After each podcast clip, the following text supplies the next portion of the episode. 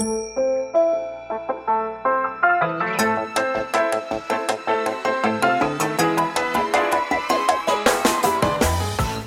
lieve luisteraars, welkom bij de Stories of Inspiration podcast van What's Your Story. De podcast waarin ik jou laat horen dat er achter ieder gezicht een inspiratiebron schuilt. En waarin ik jou heel veel tips ga geven over hoe jij meer naar buiten kunt treden met jouw authentieke verhaal. Heel veel plezier met luisteren en na afloop ben ik onwijs benieuwd wat je ervan vond. Stuur me een berichtje via Instagram als je wil reageren, als je vragen hebt of als je jouw verhaal ook zou willen delen. Veel plezier met luisteren!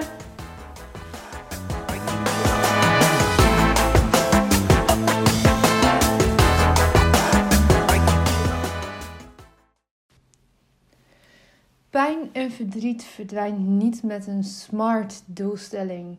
Ik mocht Esther, Esther Roel Engelman al eens interviewen naar aanleiding van een 1 op 1 dag die ze bij mij heeft gevolgd begin vorig jaar.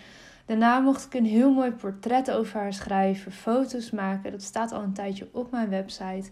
Maar ik wilde haar heel, heel, heel graag in de Stories of Inspiration podcast. Want inmiddels is zij een jaar verder in het ondernemerschap. Wat zij doet naast haar baan in het onderwijs is uh, leerkracht op het uh, in het basisonderwijs. En schenkt in het onderwijs heel veel aandacht aan rouw en verlies voor kinderen. En dat doet ze ook met haar eigen bedrijf, Mijn Gouden Traan. Daarover heb ik haar ook gesproken in de podcast. Ze heeft uh, eigen rouwkleding ontwikkeld voor zowel kinderen als volwassenen. T-shirts en truien. Hele mooie, stijlvolle truien die heel subtiel nou ja, laten merken dat je rouwt een heel mooi cadeau ook, denk ik, voor iemand misschien in jouw omgeving uh, die met rouw, verlies, verdriet te maken heeft, of voor jezelf. En daarnaast spreek ik haar natuurlijk uitgebreid over hoe zij omgaat met rouw en verlies in het onderwijs. Dus ze dat doet als docent en vertelt zij ook over haar eigen verhaal. Want de basis van deze missie is helaas al heel jong gelegd bij haar. Toen ze op zesjarige leeftijd haar broertje van destijds drie jaar overleed en verloor. Ehm, en daar ook zelf bij was, echt op dat moment. Daar eigenlijk ontdekte zij al hoe bijzonder haar traan, haar gouden traan, zoals haar bedrijf heet, eh, was. Alleen ze wist nog niet wat ze ermee aan moest. Voor haar is de rouw een lang proces geweest en nu helpt ze daar eh, heel veel kinderen en leraren in het basisonderwijs mee. Luister naar Esther Roel Engelman. Esther, welkom. Super leuk dat je helemaal in Groningen bent. Dankjewel, het was een hele reis. Maar... Ja, ja, voor degenen die Esther niet kennen, uh, ze komt helemaal uit Den Haag hier naartoe. Dus dat vind ik echt uh, super tof. En hier naartoe is Groningen trouwens misschien wel goed om daarbij te zeggen. Ja. Um, we gaan uh, samen de podcast opnemen over jouw verhaal en je bedrijfsverhaal van Mijn Gouden Traan. En ik ben heel benieuwd, we kennen elkaar al. Ik heb je een keer eerder daarover gesproken. Ja. Maar uh, we gaan aftrappen met de, met de eerste vraag die ik aan iedereen stel. En dat is, wie is jouw grootste inspiratiebron?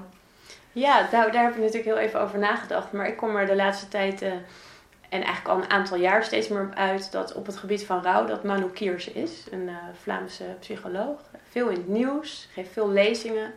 En, en ja, hij, ben ook, ik ben ook naar lezingen van hem geweest en veel van hem gelezen. En die kan gewoon ontzettend mooi en goed vertellen over rouw met heel veel gevoel. Mooi. Ja. En wat is dat dan in hem waarvan je zegt, ja oké, daar, moet ik, uh, daar zoek ik iets, daar vind ik iets?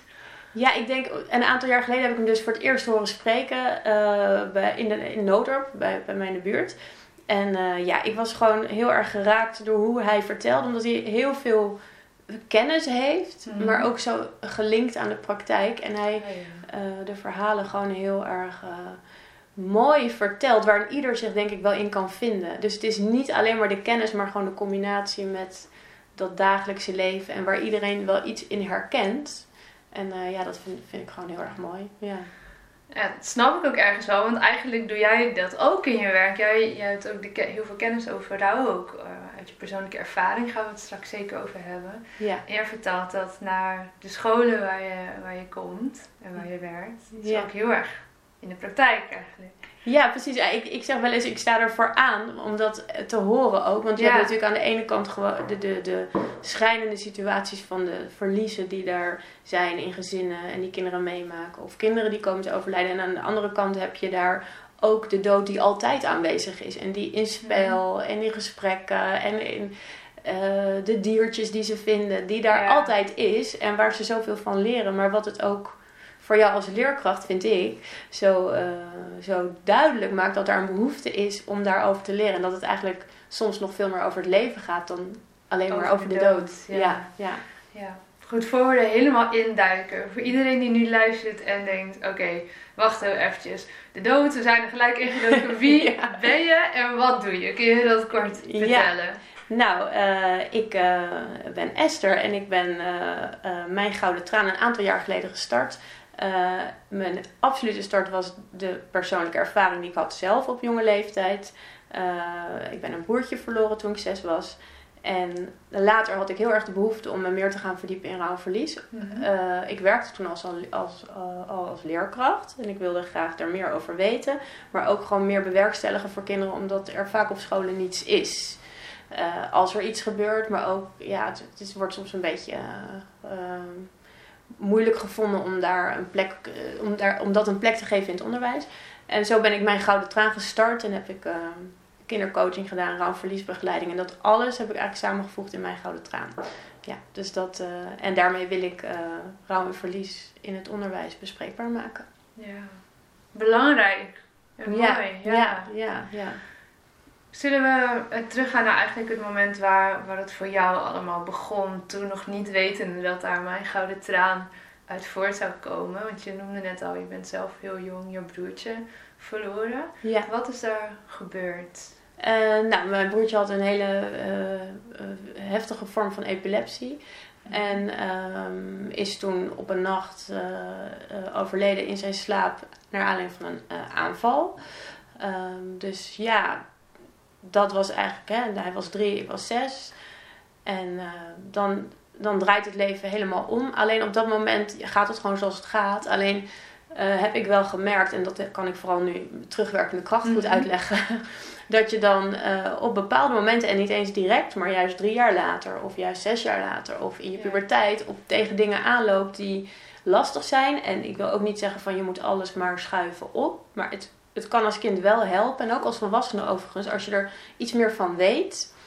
ehm, om dat- je weet dat het daarbij hoort. Dus je bent niet alleen maar dat stukje rouw. Je bent wel jouw hele persoon.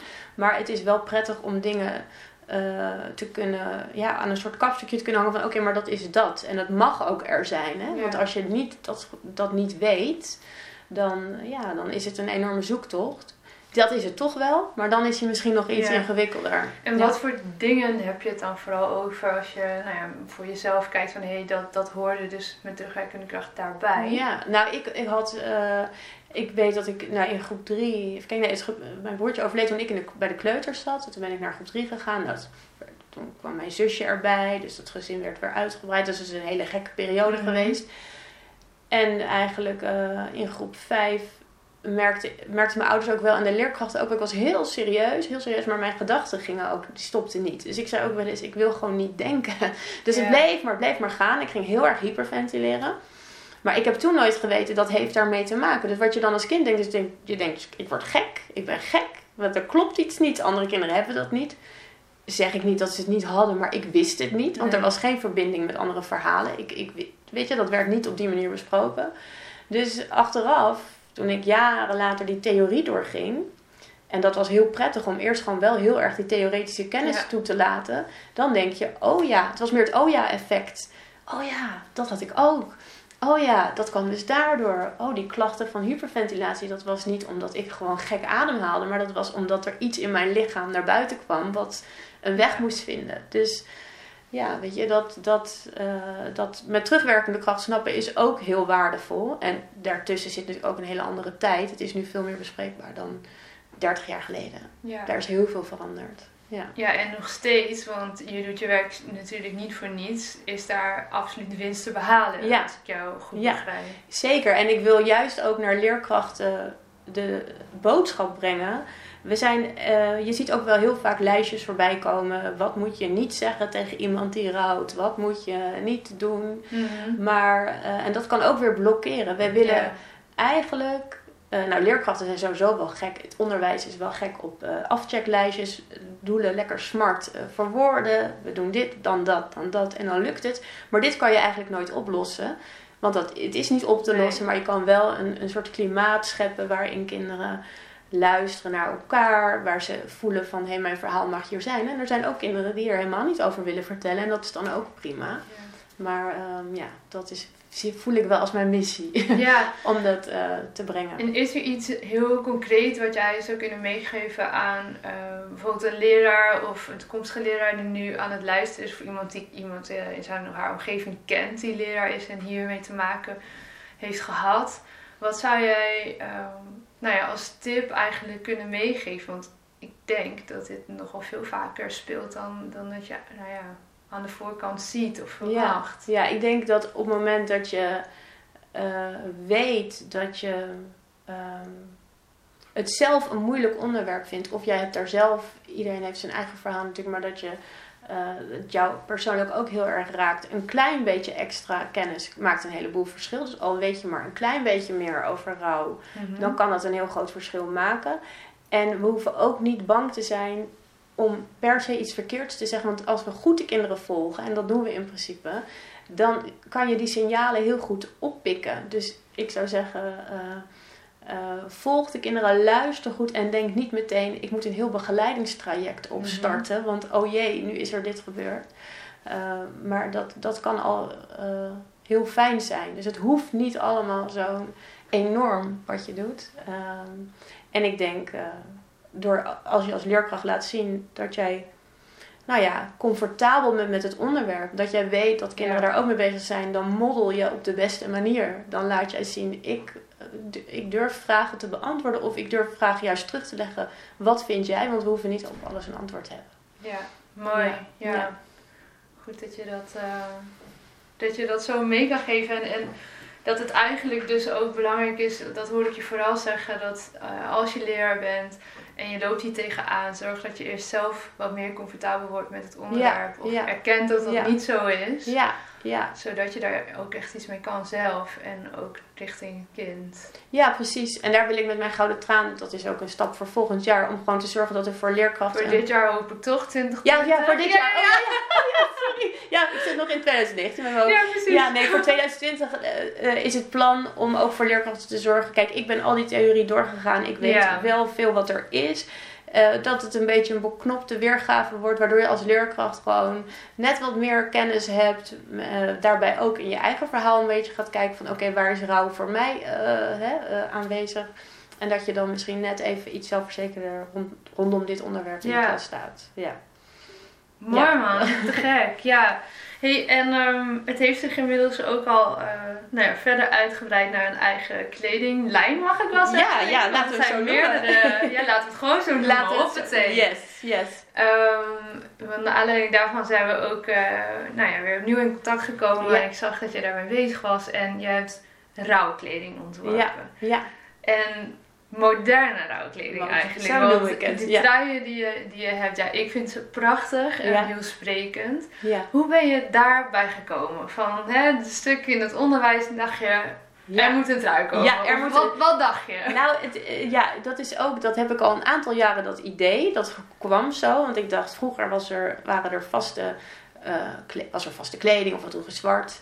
We komen net uit een periode waar rituelen veel meer losgelaten werden. En nu is het juist weer enorm in opkomst. En kun je eigenlijk van alles eh, bedenken qua symboliek, qua nou ja, wat je zelf, bij- wat bij jou past, heel persoonlijk. En eh, ik dacht, nou ja, soms is er de behoefte om rouw zichtbaar te maken. Is het niet vooral Mhm. naar jezelf? Misschien is dat wel de eerste stap. Dat je zelf erkent, ik mag vandaag die trui aantrekken. Want ik, ik wil eh, extra met mijn aandacht bij dat verlies zijn. Of ik, hè, dat, hoe je dat ook eh, Ja. ziet. En het mag ook best wel zichtbaar zijn naar de buitenwereld. Mocht je Ja. dat willen. Eh, en toen zocht ik wel naar een, iets wat past bij deze, bij deze tijd. En daarbij, als ik hem dan weer link naar hè, de kinderen, mijn gouden traan, het onderwijs. Dat ik denk, ja, over dat moddelen wat ik bij, over die leerkracht zei. Wij mogen best aan kinderen laten zien, als Ja. volwassenen. Het mag er zijn. Dus onze kinderen op laten groeien in een maatschappij waar er wel waar, waar verdriet en eh, verlies en rouw eh, er net zo bij hoort als alle vrolijke dingen. Ja, Ja. dat is wel iets wat ik eh, graag zou zien. En toen ben ik gekomen op sweaters en shirts, ook voor kinderen. Ik ben Ja. natuurlijk nog dat helemaal aan het opbouwen, maar ik ben wel heel blij dat het vorig jaar gerealiseerd is en dat het er is en dat er al een aantal mensen zijn die het dragen. Ja, die Ja. rondlopen. Ja, ja, Ja, dat is wel echt, echt bijzonder. En merk jij ook in eh, situaties bij jou in het onderwijs of misschien zelfs ook privé dat er dus te weinig ruimte en tijd is voor rouw in onze maatschappij? Ja, je, ik krijg wel het ook, hè, ik merk het wel gewoon ook in mijn dagelijkse praktijk of eh, ehm, in, eh, in familiekring merk je dat ook wel. Dat, dat, wij zijn er dan veel mee bezig, maar dat je Mhm. toch wel denkt, ja, misschien is er soms meer behoefte aan om dat iets meer zichtbaar te maken. En ehm, ik krijg ook wel heel veel reacties via mijn gouden traan, waar toch uit blijkt dat heel veel mensen zoekend zijn naar een manier om daar invulling aan te geven. En ik vind het wel heel mooi, er zijn zoveel initiatieven die op een of andere manier daaraan bijdragen. En ik doe dat dan met de moderne rouwkleding. En mensen die zich daardoor aangetrokken of daartoe aangetrokken zijn of denken, oh ik vind dat fijn. Ja. Ja, dan, dan ben ik blij dat het er is. Daar doe ik het dan voor. Ja, ja, ja, mooi. Ja. ik, ik vraag het omdat dat... Ik zie dat ook gebeuren gewoon in, in, in je leven. Dat, dat, ja, ik weet niet of dat iets Nederlands is of iets Europees. Durf ik eigenlijk niet te zeggen. Maar dat, weet je, als iemand overlijdt, dan is er een soort van week van rouw. En dan Ja. is er een begrafenis of een crematie. Nou, dan mag je nog een paar dagen verdrietig zijn. En dan Ja. is het eigenlijk ook wel weer mooi geweest. Ja, precies. Dan weer terug naar de orde van de dag. Ja. Omdat de omgeving soms er ook heel oncomfortabel mee is. Van hoe moet je nou reageren en wat moet je nou zeggen? Of Ja. wat moet je nou... Werkgevers, nou dat is nu enorm in het nieuws. Dat het, dat het ook eh, in de CAO, dat, je, dat er soms mensen zijn die bij wijze van spreken rouwen op vakantiedagen. Omdat er gewoon heel Ja. weinig vrijdagen zijn. Of mensen die wel willen werken en na een tijd toch ervaren dat dat niet gaat. En dan bij wijze van spreken een contract niet wordt verlengd. Maar dan, dan, is, dan lijkt het een depressie. Dus het wordt heel vaak Ja. ook verkeerd. Eh, of hè, naar een huisarts gaan en dan toch antidepressiva krijgen. Omdat Ja. de huisarts ook niet weet. We willen het gauw wegstoppen. En er zijn natuurlijk ook mensen die wel gewoon het heel goed aanvoelen en zeggen: nee, die pijn die hoort erbij. En Ja. eh, het antidepressiva heeft daar geen zin voor. Maar ja, ik denk dat het, er is heel veel aan de gang. Maar ik merk aan alle reacties die ik krijg. En als ik zie dat er ook wel heel veel behoefte is aan nog meer zichtbaarheid. Of nog meer erkenning ja. op een manier die bij je past. Dus hoe is dat eh, voor jouzelf geweest? Je was natuurlijk heel jong toen je je broertje verloor. Ja, ik, ik heb dat best wel eh, lastig gevonden. Eh, ik vond eh, het heel moeilijk als mensen vroegen of ik broertjes en zusjes had. Dan was ik altijd in, in Ja. strijd. Dat ik dacht, oh, wat moet ik? Vriendenboekjes. Ik vond het grote dilemma's. Denk, wat vul ik nou in? Ehm, Wat, wat deed je dan? Wat vulde je dan nou, mijn moeder zei nog? van, schrijf zijn naam. Je, kan ze, je mag zijn naam opschrijven met een kruisje daarachter. Oh ja. En ik zou nu ook zeggen van, eh, doe vooral, schrijf het vooral op, want het hoort er gewoon bij. En versier het met mooie stickertjes of weet ik, maak er iets moois van. maar ik vond dat altijd wel lastig. Of als mensen zeiden, eh, oh broertje, oh hoe oud is die dan? Ja, ja die, die is overleden. Oh, sorry. En dan snap ik, dat is je eerste reactie, maar dat was zo moeilijk. Want Ja. toen dacht ik, dat is eigenlijk niet... Daar heb ik later ook nog veel over nagedacht. Van ja, daar kunnen die mensen ook niks aan doen. D- Het hoeft geen Nee. sorry te zijn. Maar, Wat zou het wel kunnen zijn? nou, bijvoorbeeld, jeetje, jeetje, dat is nogal wat. Ja. Maar wel fijn dat je hem noemt. Of eh, ja, je hoort er wel bij. Of weet je, Ja. dat kinderen Ook het erkenning. Erkenning. Ik denk dat je het zo, dat dat het is. Dus ik heb dat wel lastig gevonden. Ehm, ja, het ging echt niet alleen maar slecht met me. Maar ik, ik was... Ik denk dat ik ook wat serieuzer was. Dus ik heb het op school altijd best een beetje lastig gevonden. Weet je, je hebt ik, je onbevangenheid. Ik denk kinderen die op jonge leeftijd iemand verliezen of in de, iets heftigs meemaken. En er zijn natuurlijk heel veel kinderen die dat meemaken. Dat die toch, de onbezorgdheid is helemaal weg. Dus dan eh, ga, ga je anders eh, die jaren door. Maar eh, kinderen zijn ook heel erg veerkrachtig. En dat is misschien nog wel veel belangrijker om, om te weten en op, ook op te durven vertrouwen. En als het Ja. echt misloopt met kinderen, dan zie je dat. En dan weet je dat, dat ze extra hulp nodig hebben. Maar echt niet al die kinderen moeten direct een heel traject. Maar er zijn ook kinderen die het wel nodig hebben. Maar ik bijvoorbeeld, bij mij eh, was dat niet eh, per se nodig. Ik ben één keer naar iemand toe geweest, eh, dat heette toen nog Parnassia. Nou, dat, Ken nee, ik ik geloof niet. Parnassia. Of, nou, in ieder geval een psycholoog. Ja. En dat, eh, om te praten. En toen was ik heel jong en ik voelde me echt een uitzondering. Want ik dacht, nou zie je, nou zie je, Oh ja, nou, ik ben nu er echt- is iets met er is me. echt iets met me. En eh, dat was dus ook niet wat werkte. Nee. En ik snap mijn ouders wel, want ja, je gaat ook iets proberen als, hè, als het niet zo goed gaat met je kind. Of als het, eh, Maar uiteindelijk eh, kreeg ik in groep 6, nou, daar heb ik ook wat meer over geschreven, kreeg ik een juf die mij wel zag. En die deed echt niet zo heel veel meer, maar die gaf mij even wat extra aandacht. Of hè, die kon een grapje maken, of die legde de, wat meer de rela- maakte wat meer contact. Mhm. En dat heeft mij samen met eh, voor het hyperventileren fysiotherapie en blokfluiten. en ging ik heel erg op de muziek. En dat, dat vond ik leuk. Ja. En toen kwam ik. En dan heb je iets waarvan je denkt: oh, maar dit vind ik leuk. En ik kan het. Ja. En dan krijg je die veerkracht. Ja, Ja. dus een beetje meer aandacht, fysiotherapie en blokfluit. En blokfluit. Als je het echt niet meer weet, jongens, en je luistert dit, probeer, probeer dit medicijn. Kijk wat er gebeurt. nee, alle gekheid. Dat is Ja. natuurlijk ook geen garantie voor succes, maar ja, hè, het kan geen In dat soort dingen- geval. Ja, Precies. om In dat soort dingen kan het zitten. Het kan soms iets heel kleins Ja. zijn. Eh, en, en nogmaals, we zijn nu 30 jaar later. Ja. Er zijn nu kindercoaches. Er is van alles. Ja. Maar eh, we moeten niet alleen maar denken dat dat altijd moet. Ik heb ooit, eh, Karin Kuiper heeft een boekje geschreven. Zij verloor haar man en zij heeft van drie kinderen reacties, haar- van haar drie kinderen, het proces beschreven in, le- in Mhm. mooie anekdotes. Bijzonder. Ja, heel, heel mooi boekje. En eh, toen zei ze, dan had iemand ook gezegd van, nou, nou gaat jouw kinderen wel naar een therapeut. En toen had zij gezegd, niet helemaal hoe ik het nu zeg, maar in die trant van, maar ze mogen ook gewoon rouwen. Ze hoeft niet per se gelijk naar een therapeut. Dus hè, het wordt altijd dan heel makkelijk gezegd, oh, dan zeker dit. Maar volg de kinderen en, eh, en dan Ja. vind je het antwoord uiteindelijk, denk ik wel. Ja. Ja. Inmiddels ben je zelf ook moeder. Ja, Hoe ga jij hiermee om met dit thema, dit onderwerp, eh, richting jouw kinderen? Ja, wel open.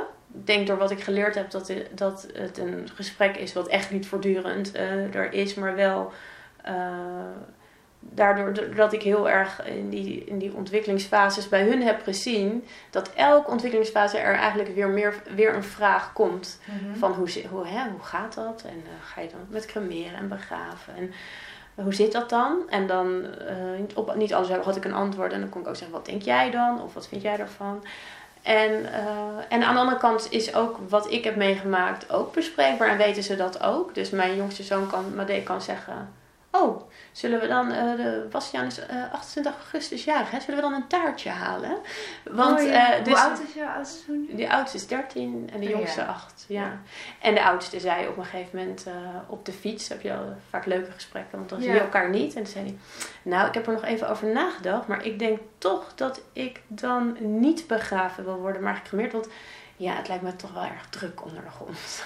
Oh ja, fantastisch. Dus ehm, ja, ik, natuurlijk merken ze wel dat ik ermee bezig ben. En Ja. dat, dat het onder. Maar het is echt niet dat we het er voortdurend over hebben. Maar je ziet de behoefte Ja. dat, er wel, wat, dat ze er ook dingen over willen weten. Of, oh mama, toen zou jij wel heel verdrietig geweest zijn. Of, hé, ik vind het jammer dat ik opa nooit heb gezien. Oh ja, weet je wel, ja, dat soort ja, dingen zijn er. Ja, weet je, dus het, ze zijn er wel bij. We houden ze er wel bij. Er zijn foto's en ze komen in gesprekken voor of in leuke anekdotes. Of, eh, ze zijn er dus eigenlijk wel, maar niet fysiek. mooi Ja. hoe je daarmee omgaat. Hey, en eh, je noemde net al eventjes dat ehm, nou, in het aankomend jaar, dit jaar, wil je nog weer volgende stappen gaan maken met je bedrijf. Klopt. Wat, waar, waar ga je naartoe? Waar wil je naartoe? Nou, ik wil, eh, ik wil zorg, ik wil eigenlijk, waar, wat dit jaar als hoofdpunt is, is eigenlijk, eigenlijk, ik ben leerkracht en ik heb mijn eigen ervaring en ik, ik zie de kinderen. En eh, ik wil heel graag, ben bezig met een product wat aan twee kanten werkt. Dus en voor de leerkracht en voor het kind. Eh, wat je als leerkracht kunt geven wanneer een kind eh, persoonlijk verlies meemaakt of heeft meegemaakt. Een grote levensveranderende gebeurtenis. Waar je niet als leerkracht eh, dus een heel begeleidingstraject mee moet starten. Maar niet, je hoeft niet heel veel te lezen, maar waar- je met een klein, paar kleine stapjes een kind kan erkennen in zijn verlies. En een kind kan in dat, het wordt een soort boekje, kan het kind afspraken met de juf schrijven. eh, Oh ja. troost van vriendjes en vriendinnetjes. En eigenlijk iets wat het hele schoolleven meegaat. En wat je als leerkracht gewoon eh, ja, ook uh, tegemoet komt in het feit dat je heel vaak denkt: ik wil wat, maar ik weet niet wat. Het moet ook niet te veel tijd kosten, want je hebt nog 28 kinderen in de klas. Nou ja, ik hoop, dat dat, ik, hoop dat dat, uh, ik hoop dat dat lukt. En dat dat voor de leerkrachten die daar iets, die daar behoefte aan hebben, dat dat gaat lukken om dat er te laten zijn.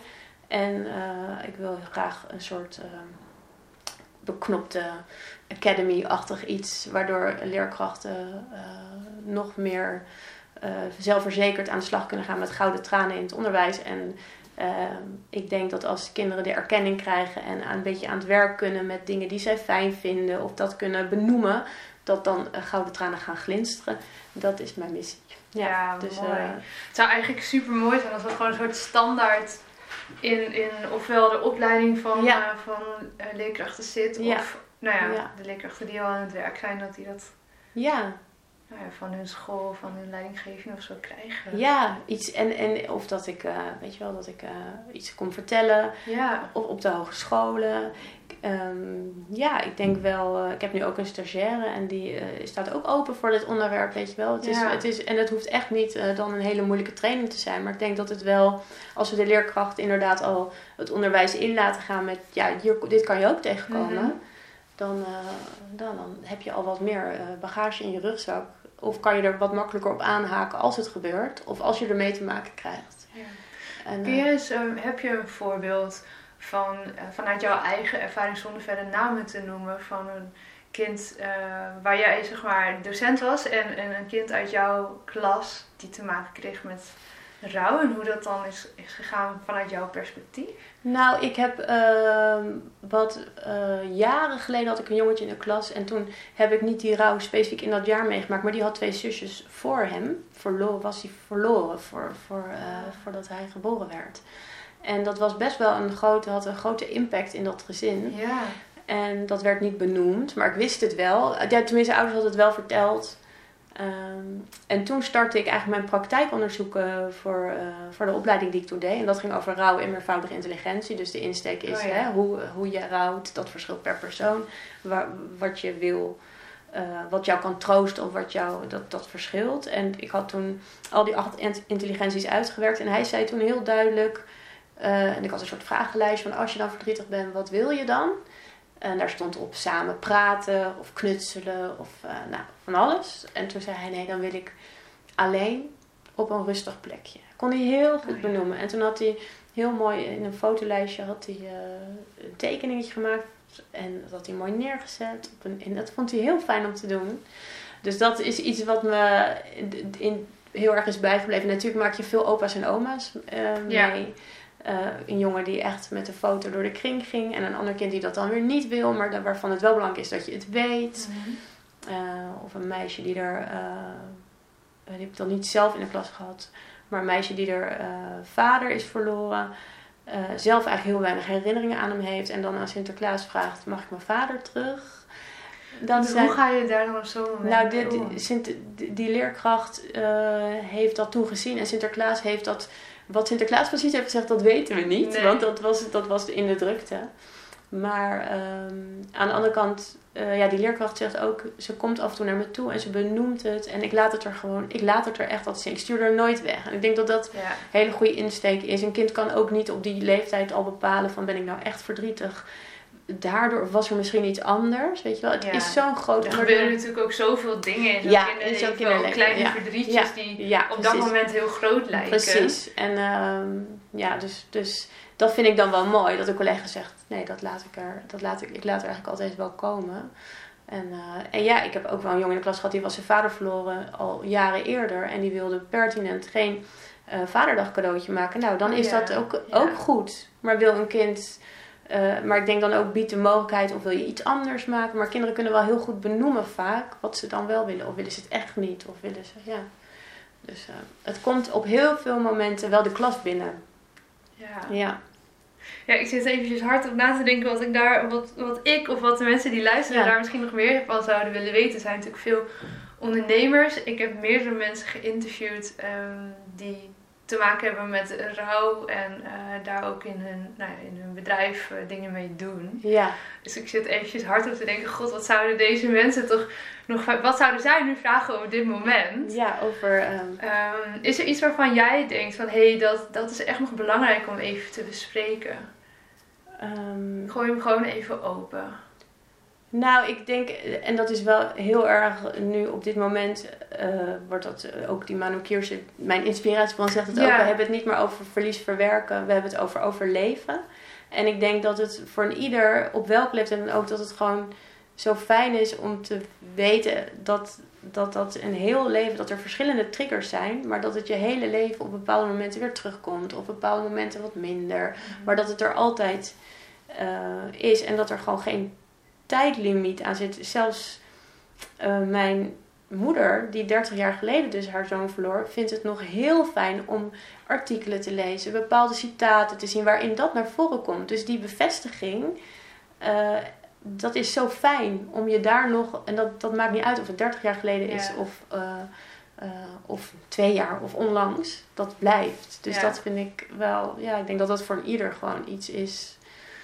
Eh, om, wat fijn is om te weten. Ja, Dat- dat, is denk ik misschien ook wel een hele mooie nou ja, conclusie van, van wat je hebt verteld. Dat Ja, eigenlijk er geen tijdslimiet zit aan rouw. Ja, en ja, dat precies. hoe wij dat in Nederland soms eh, benaderen, ja, toch ook wel ergens een beetje kortzichtig ja, is. ja. Dat, dat, eh, ja, dat we, we willen niet lastig zijn. En, hè? Dus we willen maar gauw weer door tot de orde van de dag. Wat doe niet altijd. Doe maar gewoon. En ik zeg ook niet dat je het allemaal. Dat, dat, dat het niet goed is. Want laten we wel wezen, er zijn mensen die misschien niet gelijk willen werken. Dat lukt gewoon niet, omdat zo Ja. intens bewijs van als je het over werk hebt. Er zijn ook mensen die dat heel prettig vinden. Ja. Om wel weer direct in, de, in, de, in dat leven door te gaan. Of, hè, of, of met, met werk. Ehm, maar nee, ik denk dat dat. En dat het gewoon zo persoonlijk is. En dat je het echt niet één op één kan leggen hoe iemand het doorloopt. Maar dat het zo persoonlijk. Ja, dat het gewoon heel persoonlijk is. Dat, Ja. ja. ja. Mooi. hey, en waar kunnen we die truien krijgen? ja, die kun je Dat krijgen. eh, mag je nog eventjes Ja. gewoon schaamteloos delen Ja, met de wereld. Nou, via mijn nieuwe website is online. Die webshop moet ik nog wel, eh, dan moet ik het even een beetje eigen maken. Dus daar komen ze in. Maar het is gewoon via www.mijngoudentraan.nl. Eh anders even via een berichtje nog. Maar zodra Ja. ze komen in de webshop. Instagram ben je Instagram, actief. Facebook. Ja. Ja, ja.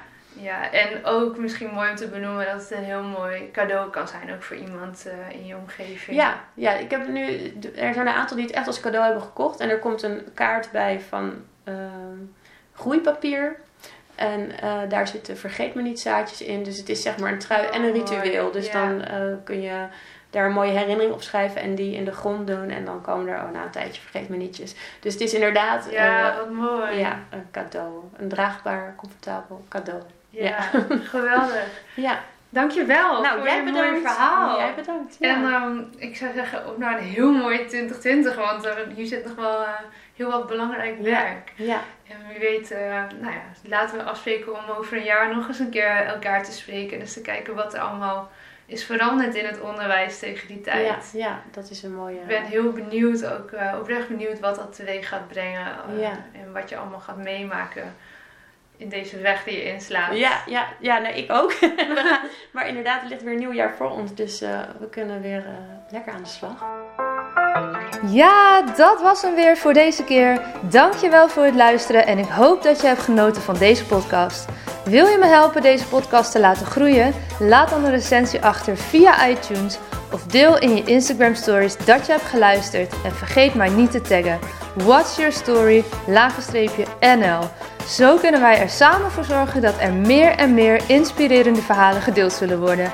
Alvast onwijs bedankt voor je support en tot de volgende aflevering.